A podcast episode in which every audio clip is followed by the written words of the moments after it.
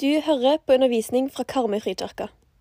Vi er helt vanlige mennesker med et ønske om å følge Jesus i hverdagen, og du er velkommen til å være med. Ting og tang. Gikk det ikke an å skru den? Ja, ja. Nei, jeg skal bare ha den høyere. Men det går greit. Ja, i dag er det altså frelse som er tema. Og Jeg vet ikke hva du tenker på når du hører ordet 'frelse'. Det er jo ikke et ord som vi bruker i vår dagligtale sånn, liksom, til hverdags. Og Det fikk jeg kjenne på sjøl. En gang når han, Tobias var liten, så var han med, gikk på Pinsen, som det heter da. Nå heter det jo Lokalkirken. I junior der, juniorarbeidet. Og Så kom han hjem en dag og så sa han, 'Mamma, hva er jeg frelst?' Eller hva er, frelst? hva er frelst? Er jeg frelst? Så da tenkte jeg ja, ja her har vi visst glemt noe, et viktig ord. da. Vi snakket igjen om å være Jesus sin venn. Og kan hende du har hatt det ordet. Hva betyr frelst? Frelse? Det er liksom ikke det vi har snakket om Jesus i hjertet og ja, sånne ting. Så hva er frelse, og hva er det å være frelst, og hvordan kan vi bli det? Det er det jeg skal snakke om de neste minuttene. Vi ber litt først. Kjære far, takk at du er her. Takk at du har frelst oss. Og nå ber jeg om at de ordene som jeg skal si, kan bli til oppmuntring og liv. Og at det er det som ikke skal videre, bare felle dødt til jorda. I Jesu navn. Amen. Han her han heter Jon. Jeg kjenner han ikke. Men han sto der om i ei avis at han hadde redda noen. Han er en surfer. Og så hørte han om noen som ropte om hjelp når han var på stranda. Og så for han ut, og så redda han en person. Dette er fjerde gangen jeg må hjelpe folk som blir tatt av strømmen, sier Jon Frogner. Er det noen som kjenner han? Det hadde vært litt løye. Jeg bare så det. Han redda folk. Og Lignende historier kan vi jo høre om nå, spesielt når det er vinter, at folk blir redda. Og jeg, jeg og Kjartan så en film som heter 'Snøsamfunnet', som handler om et fly som styrta over Andesfjellene. Noen har gjerne sett den. Men på mirakuløst vis så var det mange som overlevde der fra den flystyrten. Og det synet når helikopteret kom, og de er helt utsulta, for de var der ganske lenge, jeg tror det var 32 dager, og så dør jo flere etter hvert, men det var en hel gjeng som overlevde. Og det synet når helikopteret kommer, og, og, de ser det, og de blir redda De bare 'Å, vi er redda!' sant? Og Når vi leser i Bibelen vår, så er det jo en stor redningshistorie, egentlig en stor redningshistorie om en Gud som redder oss. Eh, og Her i Norge så har vi jo to sånne hovedredningssentraler. Vi har jo Redningsselskapet, så har vi en sånn hovedredningssentral på Sola og en i Bodø. og Når det er ekstra gale, da trør de inn og redder folk. Eh, og Vi skal lese en tekst nå fra Efeserne. Men før jeg, vi leser teksten, så har jeg bare lyst til å si litt om Efesos, altså de som Paulus da skriver til. For Efesus var en kjempestor havneby og handelsby. og Det var mange flotte bygg der. Det var et svært teater som kunne romme 25 000 mann. Det var en stor idrettsarena med mye løp. Det var mye trolldom og magi, for det var mange innvandringsgrupper. Eh, forskjellige folkeslag som bodde der. Og Dermed tok de med seg ting og tang fra sine trossystemer. Eh, det står òg at det var en underjordisk tunnel mellom biblioteket og bordellet. Så når damene trodde at mennene var i biblioteket, så var de kanskje på bordellet med en prostituert. Det var mye umoral, eh, løssluppen seksualitet i Efesos. Og det var det der berømte Artemis-tempelet, eller er det Artemis, jeg vet ikke helt hvordan vi uttaler det. Men det var iallfall utenfor sentrum så var dette tempelet òg, der de dyrka Artemis, hun fruktbarhetsgudinne, og, og tilba der. Eh, og når Paulus reiser der Paulus var, Det var jo den plassen han var lengst og mest. Eh, og I en periode var han der nesten tre år på rad. Eh, så skjedde det jo ting. Folk ble møtt av Guds ord, folk ble helbreda, og mange vendte om til Gud. Det førte til at de heiv disse her trolldomsbøkene sine. De slutta med ånds, uh, greier, spiritualiteten, det som de gjorde. Og De slutta òg å kjøpe sånne små sølvtempel som sølvsmedene lagde. Sånne bitte små som du kan kanskje ha i lommen eller en plass i huset ditt, som viste hvem du på en måte tilhørte eller tilba. Og Det ble det styr om. så Det står da i Apostlenes gjerning en voldsomt spennende historie om Demitris som samla sammen alle håndverkerne og sa nå gjør vi opprør. Vi har jo mista inntekten vår. Nå, ingen som vil ha disse her sølvtemplene lenger. og Det førte til masse uro og støy, og Paulus måtte reise ifra Efesos av den grunn. Og Han kom faktisk aldri mer tilbake etter det, det oppstyret der. Så det er i denne settingen da, og Nå er han i Roma, og han skriver dette brevet til efeserne. Og Han sender det med en venn, og dette er bare en liten sånn detalj. men jeg synes det var så kult. Er det noen som har hørt om Tykikos i Bibelen? Rett opp hånda. ja, det er noen som har hørt om det. Men han, da, han Tykikos, han var en kjære bror av Paulus, står det. Og det var han som kom med brevet til Efesos. Ett til Efesos og ett til Kolos Kolossai, heter det vel da. Kolosserne. Så jeg synes det bare det var litt kult når vi har hatt om nådegavene. Så er en av dette en som var litt sånn ja, jeg var ikke så synlig, kanskje, men der står om han at han er en høyt elsket bror og en trufast tjener i Herren. Jeg sender han til dere for at dere skal få høre hvordan vi har det, og at han skal gi dere mot i hjertet. Det var bare en parentes, men jeg synes det var en fin parentes. Så i brevet, da, som vi skal ta utgangspunkt i, så begynner Paulus eh, i begynnelsen av brevet å snakke mye om eh, hva vi har i Jesus, friheten, og vi har en herlig arv. og Han lovpriser Jesus. Og så kommer det kjerneavsnittet som vi skal lese i lag. Så må vi se om denne virker. Det var feil bilde. Og så går det ikke an å gå tilbake. Så må du hjelpe meg, eh, Tor Einar. Eh,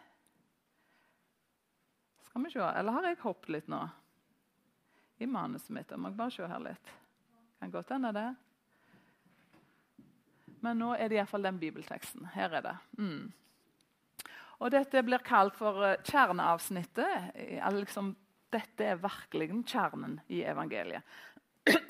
Og For meg er det et favorittavsnitt vi leser. Det var en gang døde pga. misgjerningene og syndene dykkar. Det levde i deg slik en gjør i denne verden, og let dere leie av Han som styrer i himmelrommet.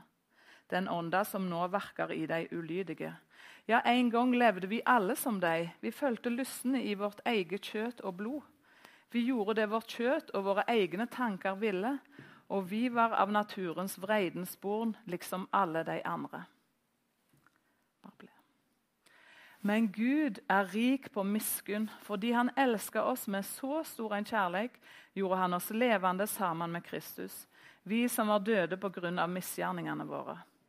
Av nåde er det frelste. I Kristus Jesus har han både reist oss opp fra døden med han og sett oss i himmelen med han, så han i de kommende tider kunne vise hvor overstrømmende rik han er på nåde, og hvor god han er mot oss i Kristus Jesus. For av nåde er det frelste, ved tru. Det er ikke deres eget verk, det er Guds gave, og det hviler ikke på gjerninger, så ingen skal skryte av seg sjøl. For vi er Hans verk, skapte i Kristus Jesus til gode gjerninger, som Gud på føreren har lagt ferdige, så vi skulle vandre i dem. Paulus begynner først i denne teksten å beskrive at efeserne var på en måte døde. Og de var jo ikke døde. De er gått ifra død til liv, og ikke fysisk død. Men de er på en måte åndelig døde pga. syndene deres. De er ikke i stand til å redde seg sjøl ut ifra den situasjonen. Og Bibelen forteller jo at så er det med oss alle. Vi er på en måte åndelig døde. Vi klarer ikke å redde oss sjøl. Ikke med gode gjerninger. Det nytter ikke å redde oss sjøl. Han beskriver på en måte fire ting som karakteriserer et liv uten Gud, og som død. Og De fire tingene er den første verdens tankegang. De ble påvirka av verdens tankegang. Altså Ikke den kristne tankegangen, men en annen tankegang så står det at eh, de lot seg lede av han som styrer i himmelrommet. Det er djevelen. Djevelen kan styre og lede òg, faktisk. Så Av og til så skjer det gjerne nesten litt usynlig. for Hadde det vært helt åpenbart, så hadde vi jo avslørt det med en gang. De lot seg lede av Han som styrer i himmelrommet. Og så Som nummer tre så sier han lysten i vårt eget kjøtt og blod. De fulgte lystene. Altså Ikke de sunne lystene som Gud har gitt oss, det er jo bra, men de ble litt sånn forvrengt. Så at det ble grådighet, det ble seksuell umoral osv. osv. Pengebegjær. Det som var godt, ble forvrengt. Og så snakker han noe om at eh, vi av naturen var vredens born på nynorsk. da. Vredens born det handler om at synd er noe som er nedarva i oss. Vi er født i det. Gud skapte oss eh, uten synd, men så falt vi. Vi er under eh, syndefallet. Og da er vi på en måte født inn i det, vi som kommer etterpå. Og Paulus skriver også om denne her tilstanden at vi er syndere i romerne. Der skriver han at alle er synderne. Jødene er synderne, syndere, hedninger er syndere. Jeg gjør synd, og du gjør synd. Alle står skyldige overfor Gud. Og, og Hvordan viser synd seg da i vårt liv? Jeg tror det er på to måter. For det første så er det konkret synder. Altså ting som vi gjør, overtredelser. Vi lyver, vi jukser osv. Det er sånne konkrete synder. Men så er det òg noe som heter mer syndige tilbøyeligheter. Som er litt mer sånn at det, det er ikke konkrete handlinger, men det er tilbøyeligheter til det ene eller til det andre. Og ofte på tre områder penger, sex og makt. Det er liksom Vi dras mot det. Og Magnus Malm han sier så fint at så lenge jeg prøver å fortrenge syndene og late som de ikke er der Det er jo noen som for eksempel, vil ikke gå til doktor for de vil ikke høre hva de feiler. Det er bedre å ikke vite. Og litt som med synd òg. Hvis vi bare går og prøver å fortrenge de og late som de ikke er der, så mørklegger de vårt indre, skriver han. De mørklegger vårt indre og hindrer oss i å høre hva Ånden sier. Og at det eneste frigjørende er å sette ord på dem og be om tilgivelse og bryte med synd. Og Her må vi skille mellom dom og forakt. For at Gud han dømmer synd, men han forakter ikke synderen. Gud forakter ingen. Det er det djevelen som gjør. Det er han som kommer og anklager. å, nå gjorde du det. Å? Men en dom, en skyld, det kan du jo bli fri fra med å bekjenne det. Det er en viktig forskjell. Og I forhold til Guds standarder Gud er jo hellige og rettferdige. og Da kommer vi til kort å leve opp til Guds standard. Og Det er derfor Jesus kom. For at vi skulle slippe å prøve med våre gjerninger prøve liksom, å gjøre oss rettferdige for Gud, for det klarer vi ikke. Det er dette som er grunnen til at Jesus ble et menneske sjøl og ble straffet. Han vendte straffen mot seg sjøl i plassen for oss. Da kan du ta det neste bildet. Um, ja. Det er, det er svart-hvitt-bildet.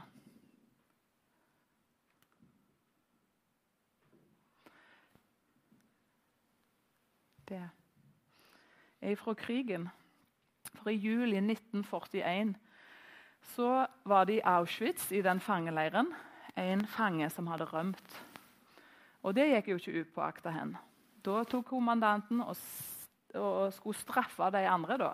Så Han stilte alle opp på ei linje. Og så sa han pga. at han eh, stakk av, så skal nå ti bli straffa. Og da var greia sånn, og Dette gjorde de flere ganger. når det, det skjedde da. Så skulle de stille opp en hel dag fra morgen til kveld. og Ikke fikk de mat, og de skulle helst stå i stol, solsteiken eller i, hvert fall i et ubehag. Og Så gikk de an og pekte da utover dagen. hvem som skulle, og De som ble pekt ut, de måtte ta ett skritt fram. Og Så pekte han på flere, og de tok et skritt fram. flere av de, Og så kommer de til en så tar, tar et skritt fram, han òg. Men så begynner han å grine og så sier han, 'Stakkars kona mi og ungene mine. Hvordan skal det gå med dem?' Og så plutselig så kommer det en annen mann og går fram av seg sjøl. Og da sier han kommandanten, 'Ja, hva, hva er det dette svinet ønsker?' Han som gikk fram, da. For det var en mann med briller og innsunkne øyne står der i historien. Så sier han jeg er en katolsk prest. Jeg er gammel. Jeg har ingen unger, jeg har ingen kone. Jeg kan gå i døden for han.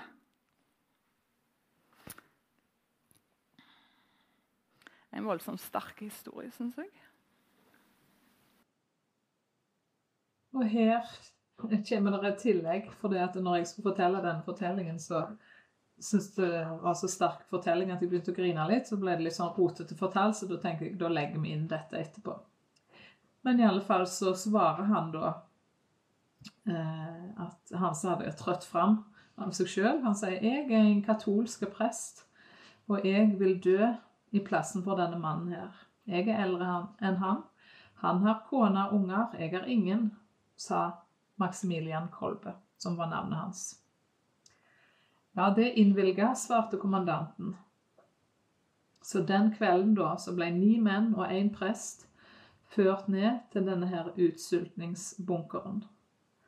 Og Normalt så ville de ha revet hverandre i stykker og krangla som kannibaler, men det skjedde ikke denne gangen. Så lenge de hadde krefter, så lå de nakne på gulvet og ba og sang salmer. Og etter to uker så var tre av mennene og fader Maximilian fremdeles i live. For bunkersen trengtes til noen andre, så den 14. august da, så ble de siste fire likvidert. Så etter to uker innestengelse i denne bunkeren, så var de fortsatt med bevissthet. Så fikk de en injeksjon med karbolsyre, og da døde Maximilian. Og da var han 47 år gammel. Og den 10. oktober i 1982, på Sankt Petersplassen i Roma, der ble fader Maximilians død sett i et rett perspektiv. Og til stede der så var det om lag 150 000 frammøtte. Og det var 26 kardinaler og 300 biskoper og erkebiskoper. Og der var òg Francis Gajovinicek med familien sin. For det var mange som var blitt kristne da, gjennom denne mannen her. Og paven han beskrev eh, Maximilian sin død, og så sa han det var en seier over alle menneskers systemer av forakt og hat. En seier ikke ulike den som Jesus vant. Og når Francis Gajovinicek døde, så var han blitt 94 år gammel. Og det sto om han i nekrologen hans at han hadde via hele livet sitt til å fortelle hva Maximilian Kolbe hadde gjort for ham. Han hadde dødd i hans plass. Og han fortalte om dette hele livet sitt. Og Jesus han dør jo bare ikke for han ene, han dør jo for alle oss. Han tok vår plass. Den straffen som vi skulle ha, den tok Jesus. Og det er en eh, romersk forfatter fra antikken som heter Cicero. og Han beskriver den døden som Jesus død, som det mest grusomme som var i den tida. Ondskapsfulle og tortur som fant i den tida. Og Det verste var ikke det fysiske og psykiske smerten heller for Jesus, men han ble jo forlatt av Gud. Han ble adskilt ifra Gud. Og Det er på en måte Guds reaksjon på det som vil ødelegge oss. Jesus' seier over døden var fullkommen, men det kosta dyrt. Det kosta dyrt. Nå skal jeg prøve å bli. Du må bli, Tor Einar. Eh, da er det det bildet fra, fra kirka i Åkra. Der har jeg vandra mange ganger. Det er kirkeskipet og det er altertavla i Åkra kirke. Og Lenge så likte jeg ikke den altertavla. Jeg syntes det var så trist. Eh, jeg tenkte, Kan de ikke ha noe mer oppmuntrende? Liksom En oppstanden Jesus-figur, f.eks.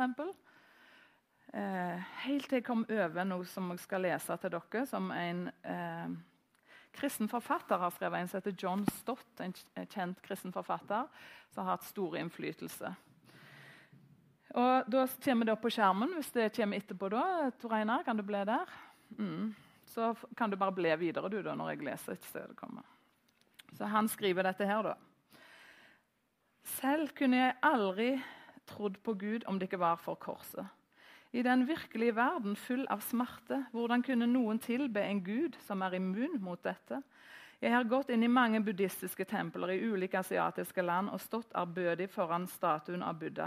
Armer og bein i kors, øynene lukket, et hint av et smil som leker rundt munnen hans.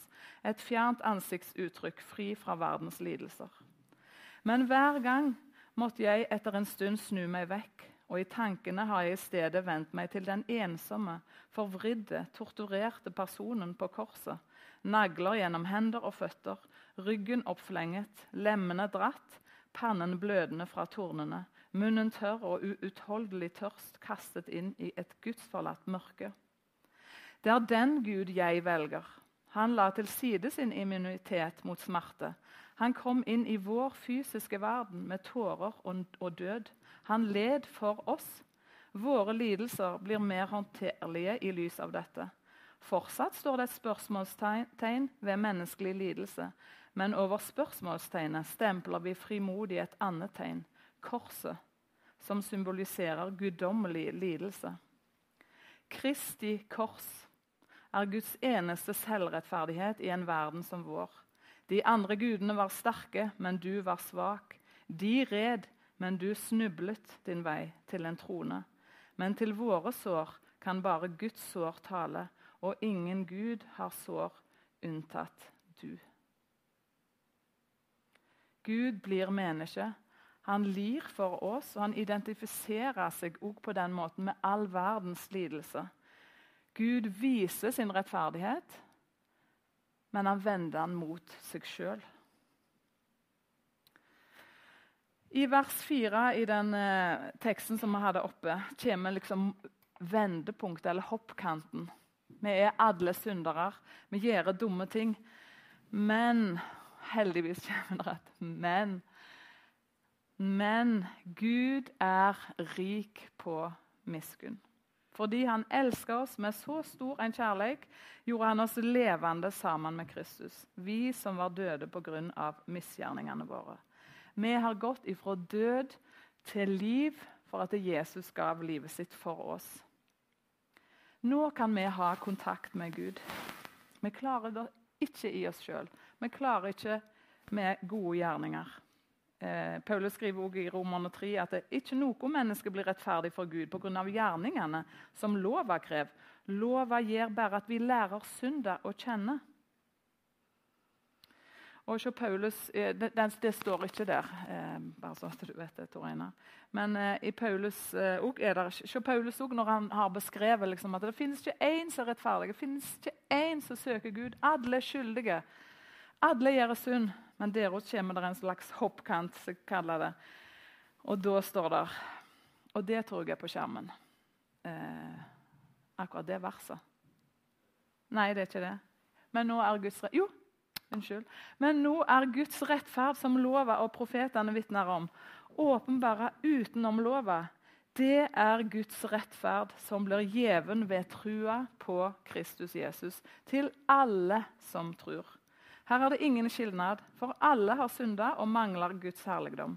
Men ufortjent og av Hans nåde blir de kjent rettferdige, frikjøpte i Kristus Jesus. Det eneste som redder oss, det er Guds nåde. Han skriver videre der i, i Efeserne, det som vi hadde der, fra vers 5. Eh, av nåde er det frelste. I Kristus Jesus har han både reist oss opp fra døden med han og sett oss i himmelen med han. Så han i de kommende tider kunne vise hvor overstrømmende rik han er på nåde, og hvor god han er imot oss i Kristus Jesus. Vi har altså fått en ny posisjon. står det her. Vi er sett i himmelen med Jesus. Og hva betyr det? Vi er jo ikke i himmel ennå. Men jeg tror det er både et sånn frampeik at ja, en gang så skal vi være i himmelen. En gang er alt helt bra. En gang er det ikke synd lenger. Men det er også at vi sitter i lag med Jesus her og nå. Vi lever i lag med Jesus her og nå.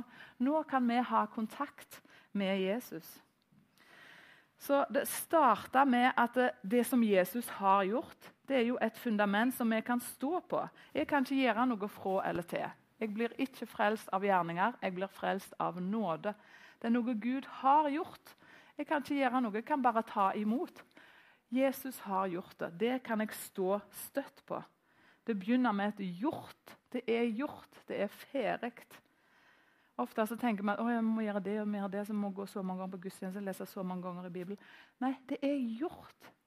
Vi kan bare ta imot frelsen. Det er ferdig for oss alle. Er ikke det fantastisk? Det er mest en grunn til et halleluja. Sånn sier han uh, Egil Svartdal når han taler i lutherske sammenhenger.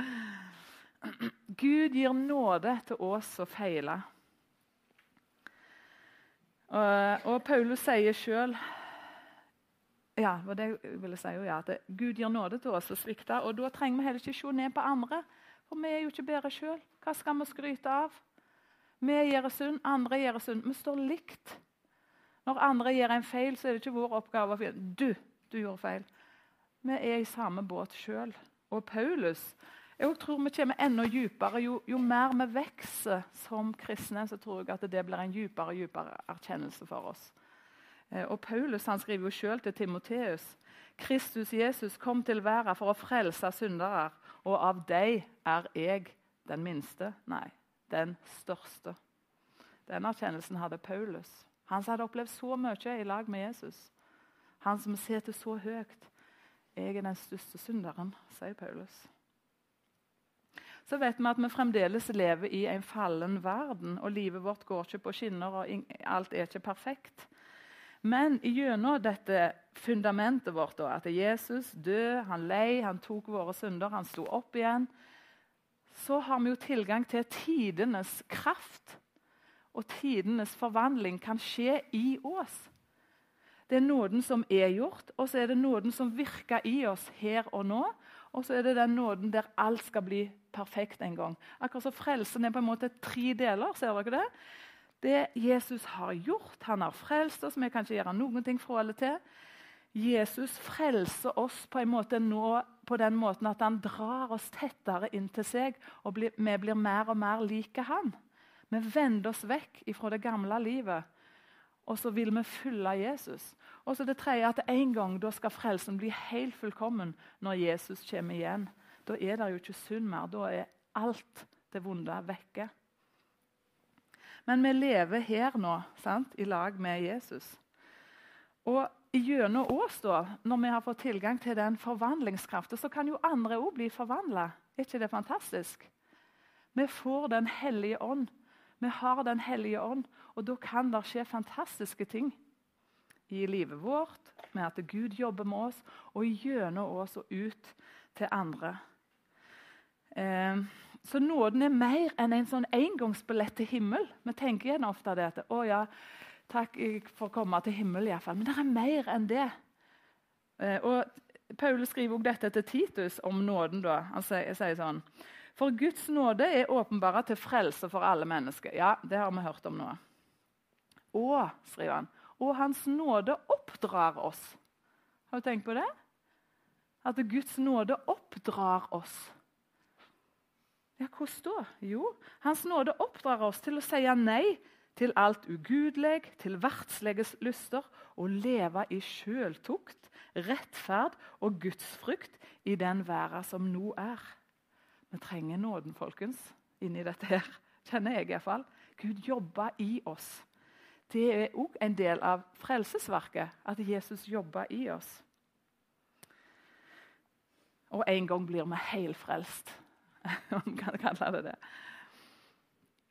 Eh, og så avslutta eh, Paulus det til efeserne med det siste verset, som vi har hørt mange ganger. For vi er Hans verk, skapte i Kristus Jesus til gode gjerninger, som Gud på førehånd har lagt ferdige, så vi skulle vandre i dem. Og så er det noen når de hører det verset, som kan kjenne åh, enda flere gjerninger. Jeg orker ikke mer. Jeg, åh, Bare opp til der liksom, med ting. Åh, ja. Så blir det liksom en slags lister og jeg skal gjøre det og det og det. Og det, og så er det på en måte noe som vi skal uh, gjøre, det òg, da. Men så skriver jo Paulus det er det Gud som virker i oss. Det er han som gjør det òg. Men hvordan kan det skje, da? Jo, jeg tror Den eneste måten det er å være i lag med Jesus. Det er å være i lag med han. Han kaller oss inn til seg. Eh, han er ikke opptatt av det vi gjør, men, men de vi er. Han vil ha oss. Hører dere forskjellen? Ja. Han vil ha oss og være i lag med oss, med, med livet vårt sånn som det er. Akkurat sånn som det er, på godt og vondt. Vi kan se på Jesu liv, hans måten å leve på, hans prioriteringer. Og så lever du med ditt liv der du er, og jeg med mitt liv. Du har din familie, stor familie, du har dine venner, du har din jobb. Du har din måte å leve på. Så følger vi Jesus der som vi er, på våre plasser. Vi kan ikke lage en sånn liste. ja, det er gode gjerninger, den, den, den, Kryss av. Sånn, da. Nei, vi følger Jesus der vi er, alle med våre liv. Og de er jo så forskjellige, og det er jo så bra. For tenk om alle kristne bare var doktorer. Eller tenk om alle kristne var rørleggere bare. Men vi trenger jo alle forskjellige folk som lever livene våre sånn som vi er skapt til å leve i lag med Gud. For vi, som har lært noe med nådegaven, så er vi jo forskjellige, og det er jo helt topp. Vi trenger ikke sammenligne oss engang. Det er bare så bra at vi er forskjellige og lever våre liv som etterfølgere av Jesus der som vi er. Det er det det handler om. Leve i lag med Jesus og lære av han. Det er de gode gjerningene som Gud på forhånd har lagt ferdige for oss. Hm. Det kan jo bli spennende de neste ukene. Lete etter de gjerningene da, som Gud på forhånd liksom har Han har, han lagt de der. Slipp å tenke engang. Liksom, ja, hva godt kan jeg gjøre? som ikke, ja, skal jeg gjøre noe godt, ja. Altså, da kan det by seg en anledning. Plutselig i løpet av uka er det en anledning. De er forberedt for oss, til og med. Er ikke det nydelig? Det syns jeg. Så lurer jeg på hvor står du da i dette? her? Er det sånn at ja, frelse det har jeg jo hørt om mange ganger. og ja, jeg tror jeg er frelst, eller jeg vet ikke helt, eller jeg er frelst. Ja. Du kan jo begynne å lure av og til. Bli litt sånn tullerusk på en måte. Og da sier Jesus at eh, han vil vi skal vite det. Så vi kan komme til han, og så kan vi be til han. Og hvis du, hvis du kjenner den usikkerheten, så kan du bare be inni deg og si at 'Jesus, jeg vil tilhøre deg. Jeg vil ta imot din tilgivelse.' Og Det var jo så fin den innledningen du hadde eh, Berit Johanne, med, med, det verset der. Går an å be det, eller kan bare si det med dine egne ord. Jesus, jeg vil tilhøre deg. Jeg tror at du er verdens frelser. Jeg vil ha deg som herre i livet mitt. Så kommer vi inn i det nye kongeriket. Det kongeriket som har en konge med ei tornekrone. Som har litt, og som kjenner til våre lidelser mer enn noen andre. Det riket blir vi en del av når vi sier ja til å følge Jesus. Så når vi har nattverd, så sier vi ofte ordene 'Kom, for alt er ferdig'. Og det tror jeg Jesus sier til oss i dag. Kom, for alt er ferdig. Og det gjelder for deg som kjenner at ja, jeg tror ikke jeg har tatt imot. Så sier han 'Kom, for alt er ferdig'. Og så sier han det òg til alle oss andre som kjenner at dette livet her og nå det er ikke så lett, og jeg trenger Guds nåde. Jeg trenger at Gud leder meg i de ferdiglagte gjerningene. Jeg trenger å vende meg vekk ifra noe. Så sier han noe det. Kom, for alt er ferdig. Kom og ta til deg næring. Kom og varme meg. Og når vi kommer, da, så møter han oss ikke som en anklager eller som en dommer, men med åpne armer. Og en liten eh, sånn, eh, stubbe ifra når ungene var små igjen. Vi var i Sverige på tur. Uh, var på ei fin strand med noen viker og forskjellig. og Ungene holdt på å bade og tutla. Og Kjartan han var på bilverset, for det var noe galt med bilen vår. Og jeg passet på ungene. og Da var de gjerne fem, sju, ni, ti år. eller noe sånt. Og de to minst, nei, han, Jonathan, og, altså han minste og han eldste, de var på land. Og han i midten han var ute i, på sånn plastikkgummibåt. Og Der var det liksom en sånn vik, så det var voldsomt grunt. Det var gjerne til knedene. ikke sant? Og Han holdt på i den båten der. Og så var det akkurat en slags uh, bru. da, så Her var vika, og så var det ei bru eller brygge der. Og så var det en liten tunnel da, som liksom leda ut til det åpne sjøen. Og så uh, Kjartan var der, Jeg lå og leste bok og hadde litt sånn øyne med han Tobias. da, som var der. Og Han hadde ikke redningsvest, for han var jo bare inne i det lille. Sant? Da kan jo bare ane hva som skjer. Plutselig så hører jeg bare noen som roper 'Det er en unge som grir, som reker utover!' Og så jeg reiste meg opp, vet du. Og da hadde jeg sikkert lest litt for lenge uten å følge med. Og der ser jeg han er på vei langt ut gjennom. Og jeg ser det er en mann som har begynt å summe ut gjennom. Eh, og jeg òg bare hiver meg uti, sier til han Andreas, han eldste. Du passer på han Jonathan her. Og jeg sumte og sumte og sumte og så at han mannen var før meg. Og jeg tenkte yes, han er enda nærmere. Og han røyk jo bare mer og mer ut. ikke sant? Og Jeg var livredd at han skulle hoppe uti, for han kunne jo ikke summe. Han hadde jo mista livet med ja. Og jeg sumte og sumte. Jeg hadde blodsmak i munnen. Jeg fikk bare en sånn kraft, kjente jeg. bare. Og så ser jeg vel ikke at han mannen da, som er kommet ganske nærme, han snur. Åh, Kjenner du følelsen? Jeg, og Da kjente jeg bare enda mer. ok, og jeg sumte sumte, og klarte å komme fram til han. Og han mannen han bare veksla ikke ord eller noen ting, for han hadde jo ikke tid til det. selvsagt. Og jeg nådde han Tobias. Og jeg var så letta at han ikke hadde hoppet uti.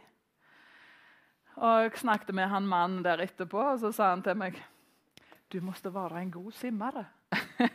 og det, tror jeg ikke jeg er, men jeg fikk en sånn mammekraft, tror jeg. En sånn mammekraft. Uh, og jeg tror jeg fikk smake en flik kanskje, av Guds kjærlighet for oss når vi er ute for et eller annet. Han vil redde oss ifra det som vil ødelegge oss. Det er det det handler om, den der nåden i midten òg. Det er derfor han vil liksom forvandle oss. Han vil redde oss fra det som ødelegger oss, som vil gjøre vondt verre for oss. Det er det som er Guds intensjon. Selv om det kan gjøre vondt av og til når han kan pirke borti tingene, eller vi må vende oss vekk fra ting, så er det den der brennende lengselen Gud har etter Å, ungen min, ungen min. Jeg vil ikke at ting skal ødelegge deg. Jeg vil passe på deg. Jeg vil lære deg nye ting. Kom og følg meg. Jeg tror det er litt, en liten flik av det som jeg fikk smake der. Vi skal be nå. Og jeg bare oppmuntrer deg til å komme til forbønn. Vi skal ha forbønn her etterpå. Hvis det er ting Det trenger ikke være relatert til det jeg har snakket om heller, men det er godt å bli bedt for. Det er på en måte å være i den nåden at Gud jobber med oss. Å bli bedt for av andre og sette navn på ting. Og Nå ber vi i lag, alle. Gode far, takk for frelsen i Jesus Kristus. Takk for din død, takk for oppstandelsen. Takk at du har båret våre synder. Takk at nåden din er nok for oss alle. Uansett hva vi har gjort og tenkt, så er det nok for oss. Og Jeg ber om at du med din nåde og med din kraft skal forvandle oss, så at vi blir mer og mer like deg. Ikke på en sånn strevsom måte, men på en sånn måte at vi, ja, vi vil følge deg og vi vil leve et bedre liv. Vekke fra det som vil ødelegge oss. At du får forme oss til et bedre og godt liv i lag med deg. Så vet vi at det kan komme vanskelige ting, men da vil vi vare hos deg. Du som kan og vet alt. Du som er klippen som vi kan stå støtt på. Velsign hver og en her i Jesu navn. Amen.